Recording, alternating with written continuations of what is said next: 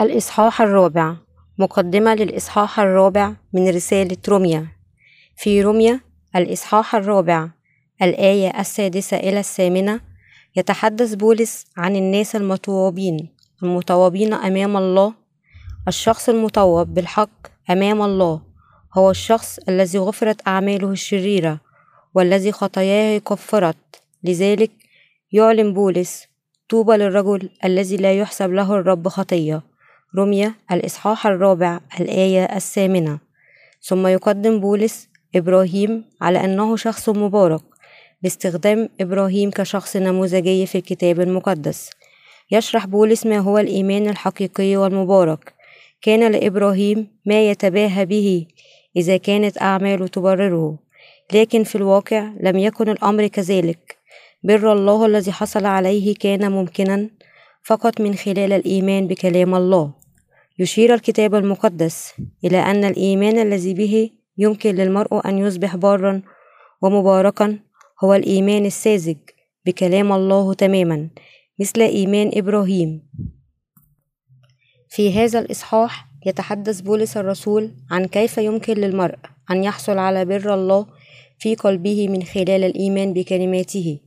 لا يوجد أحد لا يخطئ أبدا على الإطلاق بينما يعيش على الأرض علاوة على ذلك نحن البشر نرتكب خطية مثل سحابة كثيفة تغطي السماء.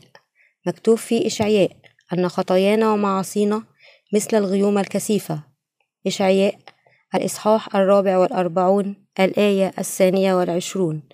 لذلك لا يوجد أحد بين البشر يستطيع الهروب من دينونة الله دون الإيمان ببر يسوع المسيح.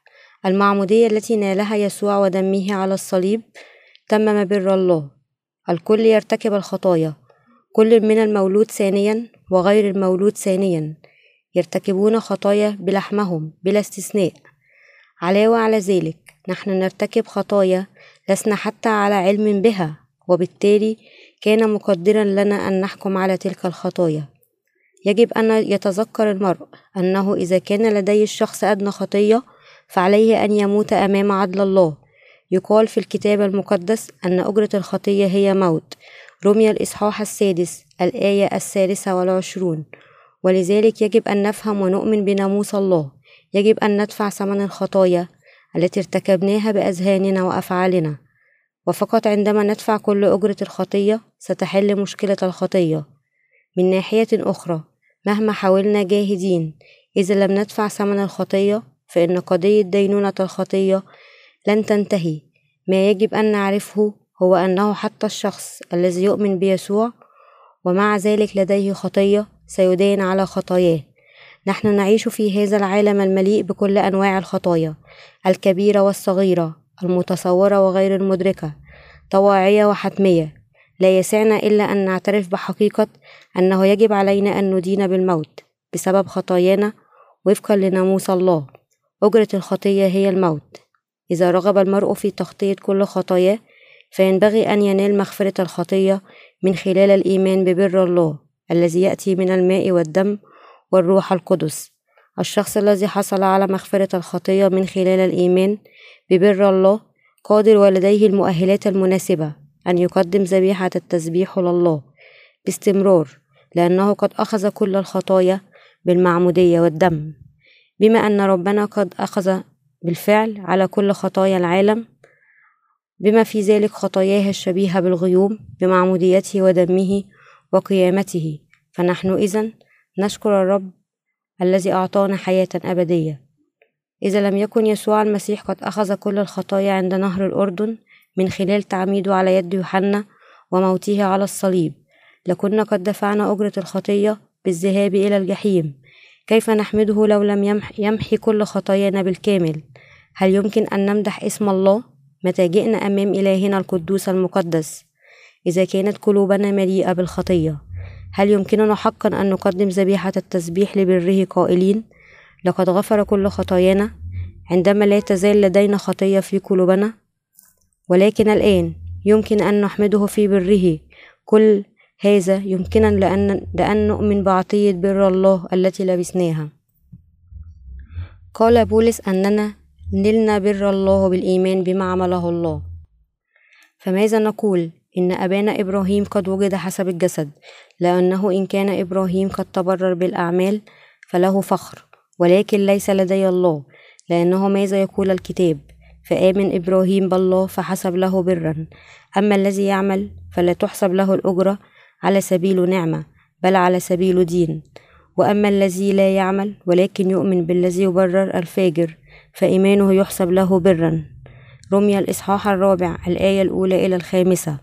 هنا يشرح بولس كيفية التبرير بأخذ إبراهيم كمثال من المعقول أن يتقاضى المرء أجرة المناسب عن عمله أجره المناسب عن عمله ومع ذلك فإن عطية الله بالكامل وليس أجرا لأعمالنا هي ما جعلنا أبرار من خلال ولادتنا مرة أخرى دون أن نفعل أي خير أو نعيش حياة كاملة أمام الله.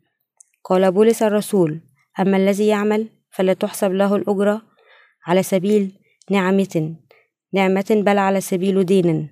يتحدث هذا عن كيفية حصول الخاطئ على الخلاص من الخطية من خلال معمودية يسوع المسيح ودمه, القرباني. لقد أعطى هذا الخلاص كهدية مباركة لمغفرة الخطية لكل الذين يؤمنون ببر الله. إن خلاص الخاطئ هو الهبة غير المشروطة التي يمنحها بر الله. الشخص الذي ولد خاطئا ليس لديه خيار آخر سوى أن يخطئ وليس لديه أو لديها خيار آخر سوى الاعتراف لله بأنه أو بأنها خاطئة لا محالة. لا يمكن أن تختفي خطايا هذا الخاطئ لمجرد أنه يجتهد في تلاوة التوبة من خلال الإيمان ببعض التعاليم المسيحية السائدة. لا يستطيع الخاطئ أن يتباهى ببره أمام الله. وقد صرنا كلنا كنجسا وكثوب عدت كل أعمال برنا. إشعياء الإصحاح الرابع والستون الآية السادسة. لذلك ليس لدي الخاطئ خيار آخر سوى الإيمان ببر الله الذي تم بمعمودية ربنا في نهر الأردن وموته الكفاري على الصليب. عندها فقط يمكن أن يغفر المرء عن كل خطاياه. بالإيمان ببر الله لا يوجد شيء آخر. يمكن للخاطئ أن يفعل لينال بر الله. لا يمكن الحصول على مغفرة خطاياك إلا من خلال الإيمان ببر الله. كل الخطاة قادرون على أن يجدوا بره من خلال معمودية يسوع المسيح ودمه الكفارية على الصليب. لذلك فإن الإيمان ببر الله هو الذي يجعل من المؤمن من الممكن للخاطئ أن ينال الخلاص من الخطية. هذه هي الحقيقة هذه هي عطية بر الله. يتحدث بولس الرسول عن كيفية عن كيف ينال الخطاة الخلاص من كل الخطايا. يشرح بولس ذلك باستخدام إبراهيم كمثال نموذجي. أما الذي يعمل فلا تحسب له الأجرة على سبيل نعمة بل على سبيل دينا. يقول بولس الرسول أنه لا يمكن للمرء أن يحصل على بر الله من خلال القيام بعمل شرعي معين. الطريقة الوحيدة التي يمكننا من خلالها الحصول على بر الله هي من خلال الإيمان بكلماته البرة عن الختان الروحي. إن بر الله هو الحقيقة التي لا يمكن الحصول عليها بالجهود أو الأعمال البشرية. كانت عطية بر الله على النحو التالي. كنت أنا وأنت أشخاصا مقدر لهم أن يدخلوا الدمار الأبدي. لكن مخلصنا يسوع المسيح أخذ كل الخطايا من خلال معموديته التي قدمها يوحنا عند نهر الأردن. ثم حمل كل الخطايا على ظهره للصليب حيث دفع كل أجرة الخطايا بدمه. وبذلك تمم يسوع كل بر كل بر الله. كل أعماله الصالحة أكملت بر الله الذي خلص الخطاة من الموت الأبدي. أولئك الذين يؤمنون بكلمات الله يمكنهم أن ينالوا بر الله. الآية الخامسة تقول وأما الذي لا يعمل ولكن يؤمن بالذي يبرر الفاجر فإيمانه يحسب له برا. في هذا الجزء يشرح بولس الرسول الطريق إلى بر الله. باستخدام الفاجر كمثال الأشرار. هم أولئك الذين لا يخافون الله فحسب بل يرتكبون أيضا خطايا فاسدة طوال حياتهم. كلام الله الذي يقول إن كل الناس ولدوا جماهير الخطية. صحيحة بالتأكيد. علاوة على ذلك. من الصحيح أيضا أن الطبيعة البشرية هي أنه ليس لديهم خيار آخر سوى أن يخطئوا حتى ينالوا دينونة الله المخيفة. ومع ذلك إذا دعانا الله نحن الأشرار باعتبارنا بلا خطية ويضع إيماننا في الاعتبار فما الذي يمكن أن يجعل هذا ممكنا غير بر الله؟ ربنا يتحدث إلينا أيها الأشرار كان على الرب نفسه أن يعتمد في نهر الأردن على يد يوحنا المعمدان آخر رئيس كهنة في العهد القديم ليستولى على كل خطايا العالم. كان عليه أيضا أن يدفع أجرة خطايانا بسفك دمه الكفاري على الصليب ليتمم كلامه. أجرة الخطية موت. هل تؤمن أن يسوع المسيح دفع أجرة كل خطايانا ببر الله بالمعمودية التي أخذها ودمه على الصليب؟ الله يحسب إيمان أولئك الذين يؤمنون ببره من أجل البر. هذا ليس إصرارا عنيدا ولكن حقيقة مكونة من بر الله العادل. لذلك بالنسبة لشخص يؤمن ببر الله يقول الله الآب حسنا. أنت شعبي أنت تؤمن بصر بصري. أنت تؤمن بصري. الآن أنت ابني أنت بلا خطية. لماذا؟ لأنني جعلتك بلا خطية بالتغلب على كل خطاياك؟ ابني ودمه. كما دفع ثمن خطاياك بسفك دمه على لسان قوله أجرة الخطية موت. قام من أجلك من, من بين الأموات لذلك فهو مخلصك وإلهك. هل تؤمن بهذا؟ أجل أقبل. ثم سوف يستمر. أعطيتك بري الذي أكملته الأعمال الصالحة لابني. لقد أصبحت الآن ابني. لقد تبننتك تبنتك بماء ابني ودمه. تبنيتك بماء ابني ودمه فكل البشر أشرار أمام الله ومع ذلك فإن ربنا يسوع قد أخذ كل خطايا الفاجر سوى الخطايا التي ارتكبناها بالفعل والخطايا التي سنرتكبها في المستقبل مرة واحدة بالمعمودية التي أعطاها يوحنا له. علاوة على ذلك كسى الله كل الذين يؤمنون ببر الله بره وبهذا خلصهم من كل خطاياهم. لأنكم جميعا أبناء الله بالإيمان بالمسيح يسوع. لأن كلكم الذين اعتمدتم بالمسيح قد لبستم المسيح. غلطية الإصحاح الثالث الآية السادسة والعشرون إلى السابعة والعشرون. السؤال الآن هو ما إذا كنا نؤمن حقا بكلمة الله بقلوبنا أم لا؟ نصبح أبرارا إذا آمنا ولكن إذا لم نفعل ذلك فإننا نفقد بر الله حتى الشرير في نظر الله. حتى بالنسبة لأولئك الأشرار أمام الله فقد وعد أن بره سيصبح لهم. إذا آمنوا فقط أن يسوع قد أخذ خطايا العالم مرة واحدة عن طريق التعميد في نهر الأردن. في الواقع أعطى الله بره لكل مؤمن. أي شخص يؤمن ببر الله ينال الخلاص من كل خطايا هذا العالم. أخبر أبانا الله أولئك المؤمنين في بره أنهم أولاده نعم أنت الآن بلا خطية. خلصك ابني يسوع من كل خطاياك. أنت صالح لقد تم خلاصك من كل خطاياك. حتى لو كنا أشرارا فإن الله ختم بره علينا ليؤكد أننا أبرار. إن بر الله أبدي لقد قام الرب يسوع حقا بالعمل الصحيح للبشرية جمعاء. لقد خلص شعب هذا العالم من كل خطايا هذا العالم ببر الله. يعتبر الله أرواح الأشرار بلا خطية بالنظر إلى إيمانهم في بره. طوبى للرجل الذي لا يحسب له الرب خطية لأنه نال بركة بر الله بالإيمان. يسألنا الله هل أنت تقي؟ ثم نعترف بحقيقة ذلك. نحن أشرار في نظر الله. عندما نعترف بهذه الحقيقة نشكر أن يسوع قد تعمد من أجل الخطاة وسفك دمه على الصليب وأن بر الله هو الذي أخذ خطايا العالم. لا جهودنا ومع ذلك إذا اعتقدنا أننا أناس يستطيعون طاعة الناموس جيدا فلا يمكننا أبدا أن نكون شاكرين ولا نؤمن ببره. من يؤمن ببر الله الذي يبرر الفاجر يأتي ليحصل على بره كهدية سيمنح بر الله كهدية لأولئك الذين يؤمنون بفداء ودينونة يسوع المسيح. ولكن أولئك الذين لا يؤمنون ببر الله ستبقى كل بركات الله ونعمته مقفلة.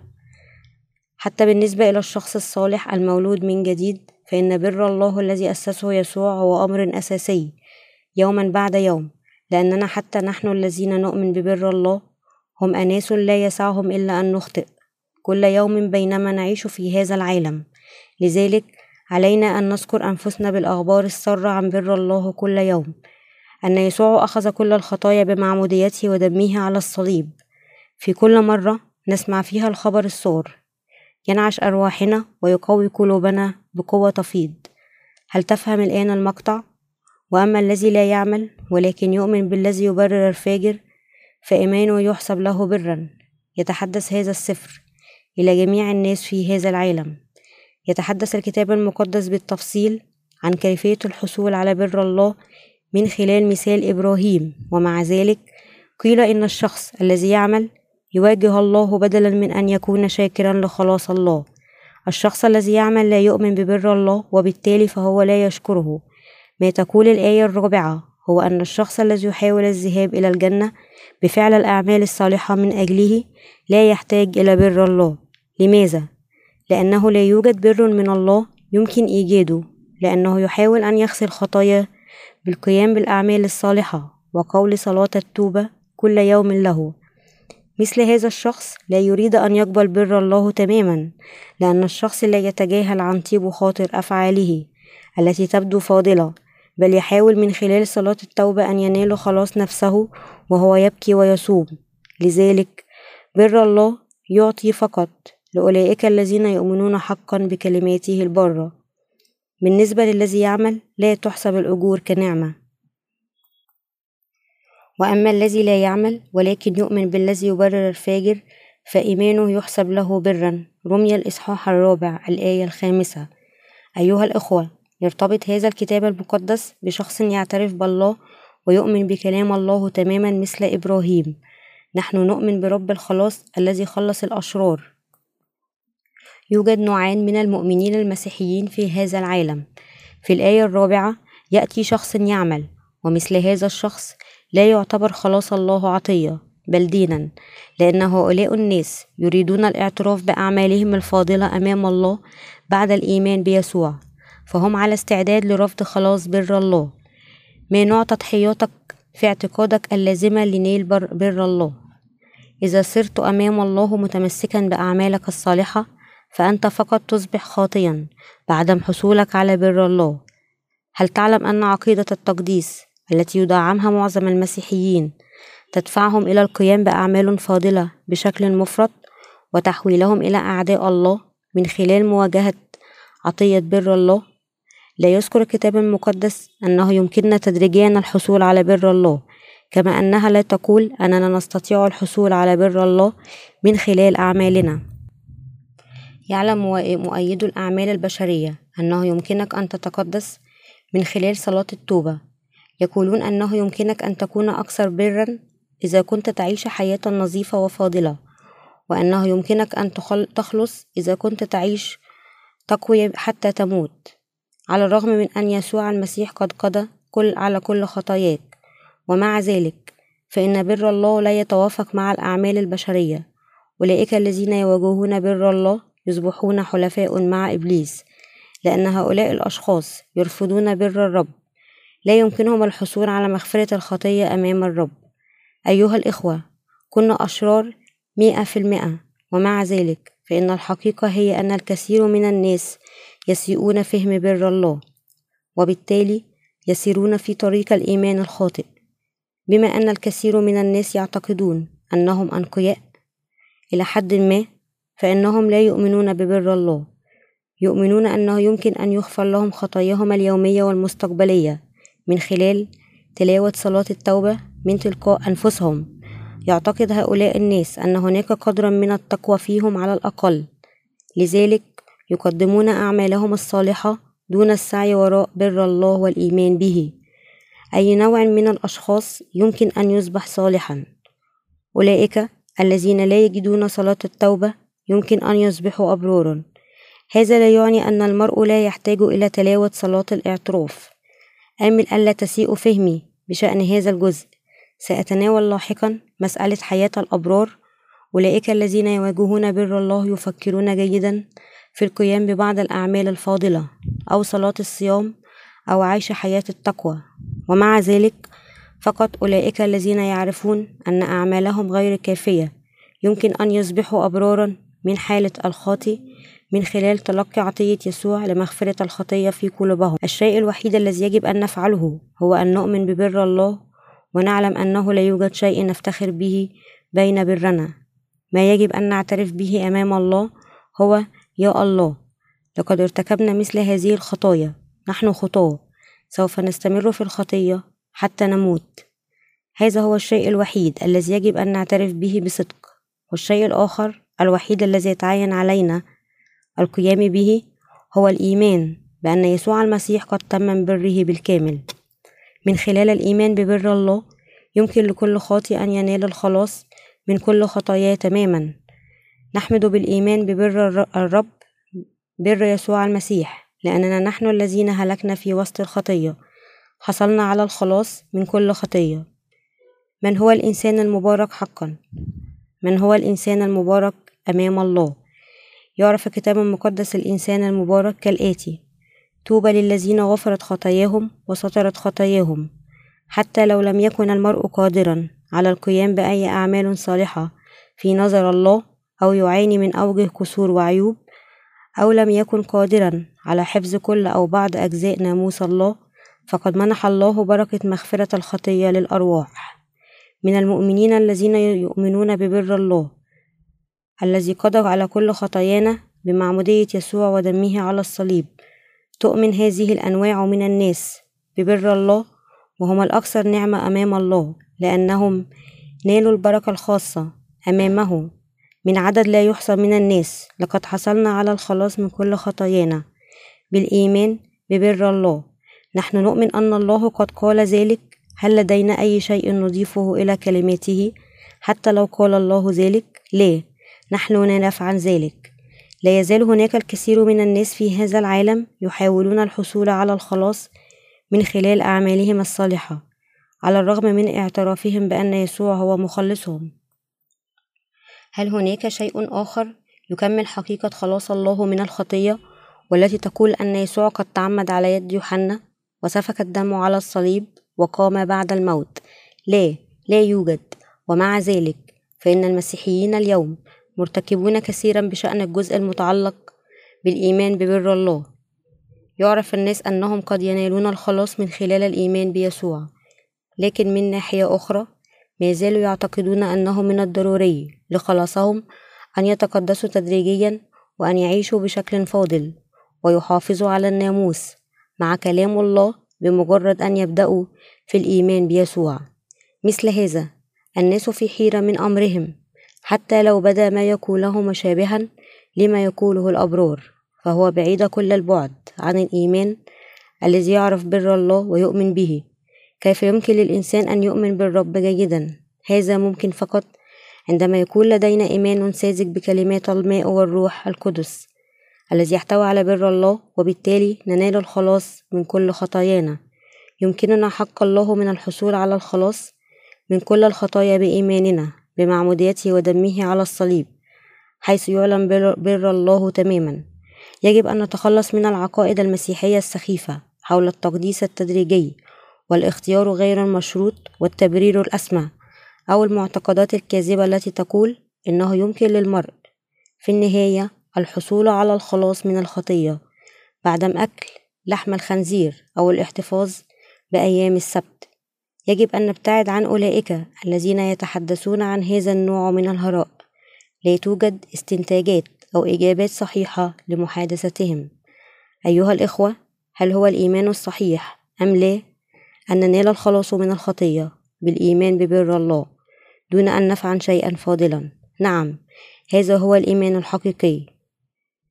ما نوع الأعمال التي قمنا بها لنيل بركة الله؟ بر الله هل عملنا؟ أي أعمال صالحة أمام الله؟ لا. هل نحن مثاليون بأنفسنا حتى في أفكارنا؟ لا. لسنا كذلك. إذا هل هذا يعني أنه يجب علينا أن نعيش بالطريقة التي نحبها؟ لا. هل يجب أن نعيش وفق الناموس لنكون أولاده؟ لا. هذا يعني أننا يجب أن نصبح أبناء حقيقيين لله فقط من خلال الإيمان ببره والحصول على مغفرة الخطية. وقبول الروح القدس كهدية من خلال الإيمان الصحيح. من المستحيل تماما أن يعيش الناس حياة جيدة ومع ذلك حتى لو كان الشخص لا يعمل.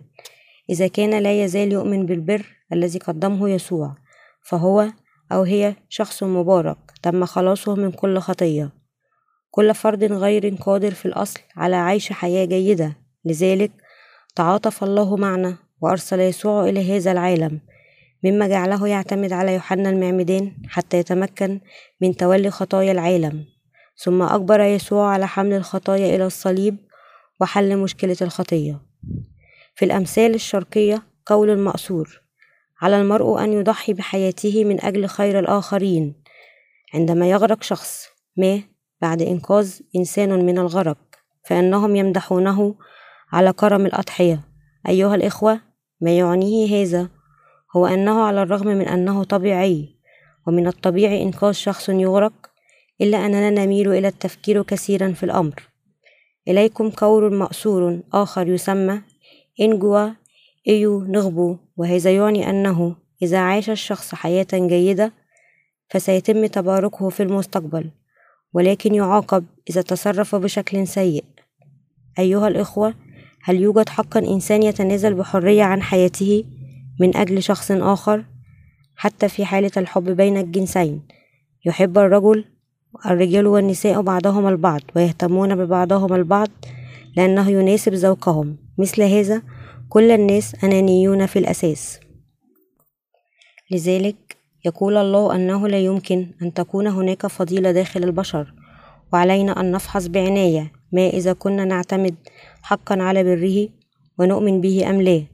الأمر الذي قضى على أبشع خطايانا على الرغم من أننا لم نفعل حقا أي نوع من الفضائل يجب أن ننال الخلاص من كل خطايانا من خلال الإيمان ببر الله الذي أعطانا إياه إلهنا. أنت يجب أن تحصل على المغفرة من كل خطايا الأعمال الخارجة عن الناموس. ما هي الأعمال الخارجة عن الناموس أمام الله؟ كل ما نرتكب من خطايا أمام الله هو أفعال خارجة عن الناموس. كيف يمكنك تخطيط خطايانا أمام الله؟ هل يمكن للسترة السميكة الواقية من الرصاص أن تغطي خطايانا؟ أم أن الدرع الحديدي الذي يبلغ سمكه متر واحد والمصنوع من أقوى المعادن يمكن أن يغطي خطايانا أمام الله أيها الإخوة إذا عملنا أعمالا صالحة فهل يسترون ما نرتكب من خطايا أمام الله؟ لا إن الأعمال الصالحة للبشرية ليست أكثر من عزاء للذات لا يمكن للمرء أن يهرب من دينونة الله العادلة من خلال إراحة ضميره بفعل الأعمال الصالحة. طوبى للذين وسترت خطاياهم. هذا ما ورد في الكتاب المقدس. أيها الإخوة إذا أردنا تخطيط خطايانا أمام الله فإن الطريقة الوحيدة للقيام بذلك هي الإيمان ببر الله الذي خلصنا به. يشمل بر الله مجيء يسوع المسيح إلى هذا العالم ليعتمد وتسلمه خطايانا وموته. بالنيابة عن الصليب. هذا لأن يسوع أخذ خطايا العالم بالتعميد ولأنه نال الدينونة بموته على الصليب. هذا هو بر الله تتم تخطيط كل الخطايا عندما يؤمن المرء ببره. حتى لو حاول الإنسان تخطيط خطاياه بحسناته فهذا لا ينفع عند الله. إن الأعمال الصالحة لمعمودية يسوع ودمه هي التي يمكن أن تغطي خطاياك وأنا. كان من المفترض أن نحكم علينا. ونهلك ونذهب إلى الجحيم من خلال تلقي غضب الله الغاضب بسبب خطايانا. لكن يسوع جاء إلى هذا العالم وحققنا بر الله من خلال تعميدنا على يد يوحنا المعمدان موتنا على الصليب يجب أن تؤمن بهذا. يمكننا أن نغطي خطايانا بالإيمان ببر الله. لماذا؟ لأن بر الله قد قدم بالفعل التعويض العادل عن كل خطايا العالم من خلال معموديته وسفك دمائه. أنا وأنت يمكننا تخطيط خطايانا من خلال الإيمان بهذه الحقيقة. أي نوع من الأشخاص مطوب؟ أي شخص لديه هذا النوع من الإيمان؟ يكون مباركا. طوبى للذين غفرت خطاياهم وسترت خطاياهم. طوبى للرجل الذي يحسب له خطية. الشخص الذي لديه هذا النوع من الإيمان هو شخص سعيد ومبارك. هل أنا وأنت لدي هذا النوع من الإيمان؟ الشخص المبارك حقا هو الشخص الذي أخذ كلام الله أن يسوع المسيح خلصنا بالماء والروح القدس في قلبه. الشخص الذي يقبل يسوع المسيح مع الماء والروح والدم في قلبه ويسكن داخل يسوع المسيح هو شخص مبارك حقا. بالإيمان نحن المؤمنون ببر الله. نلنا الخلاص المذهل الذي لا يحتوي حتى على أدنى قدر من الفكر أو الفضيلة البشرية. فقط الشخص المبارك حقا يؤمن بهذا الإيمان ويحفظه في قلبه ويمكنه أن يبشر بالإنجيل الحقيقي. أيها الإخوة لا تحاولوا أبدا أن تصيروا أبناء الله أو تخلصوا من الخطية بإضافة بعض الأعمال الفاضلة الخاصة بكم إلى نعمته. هل أنت فاضل من الغطرسة أن يحاول المرء أن يكون فاضلا؟ على الرغم من أنه هي في الحقيقة ليس كذلك ويعتقد أنه يمكنها ذلك. إذا تلقى شخص فقير ماسة ضخمة من ملياردير كهدية فإن هذا الشيء الوحيد الذي يحتاجه الفقير هو أن يقول شكرا. الأمر نفسه ينطبق على بر الله. الفصل الرابع من رمية يتحدث عن الناس الذين باركهم الله.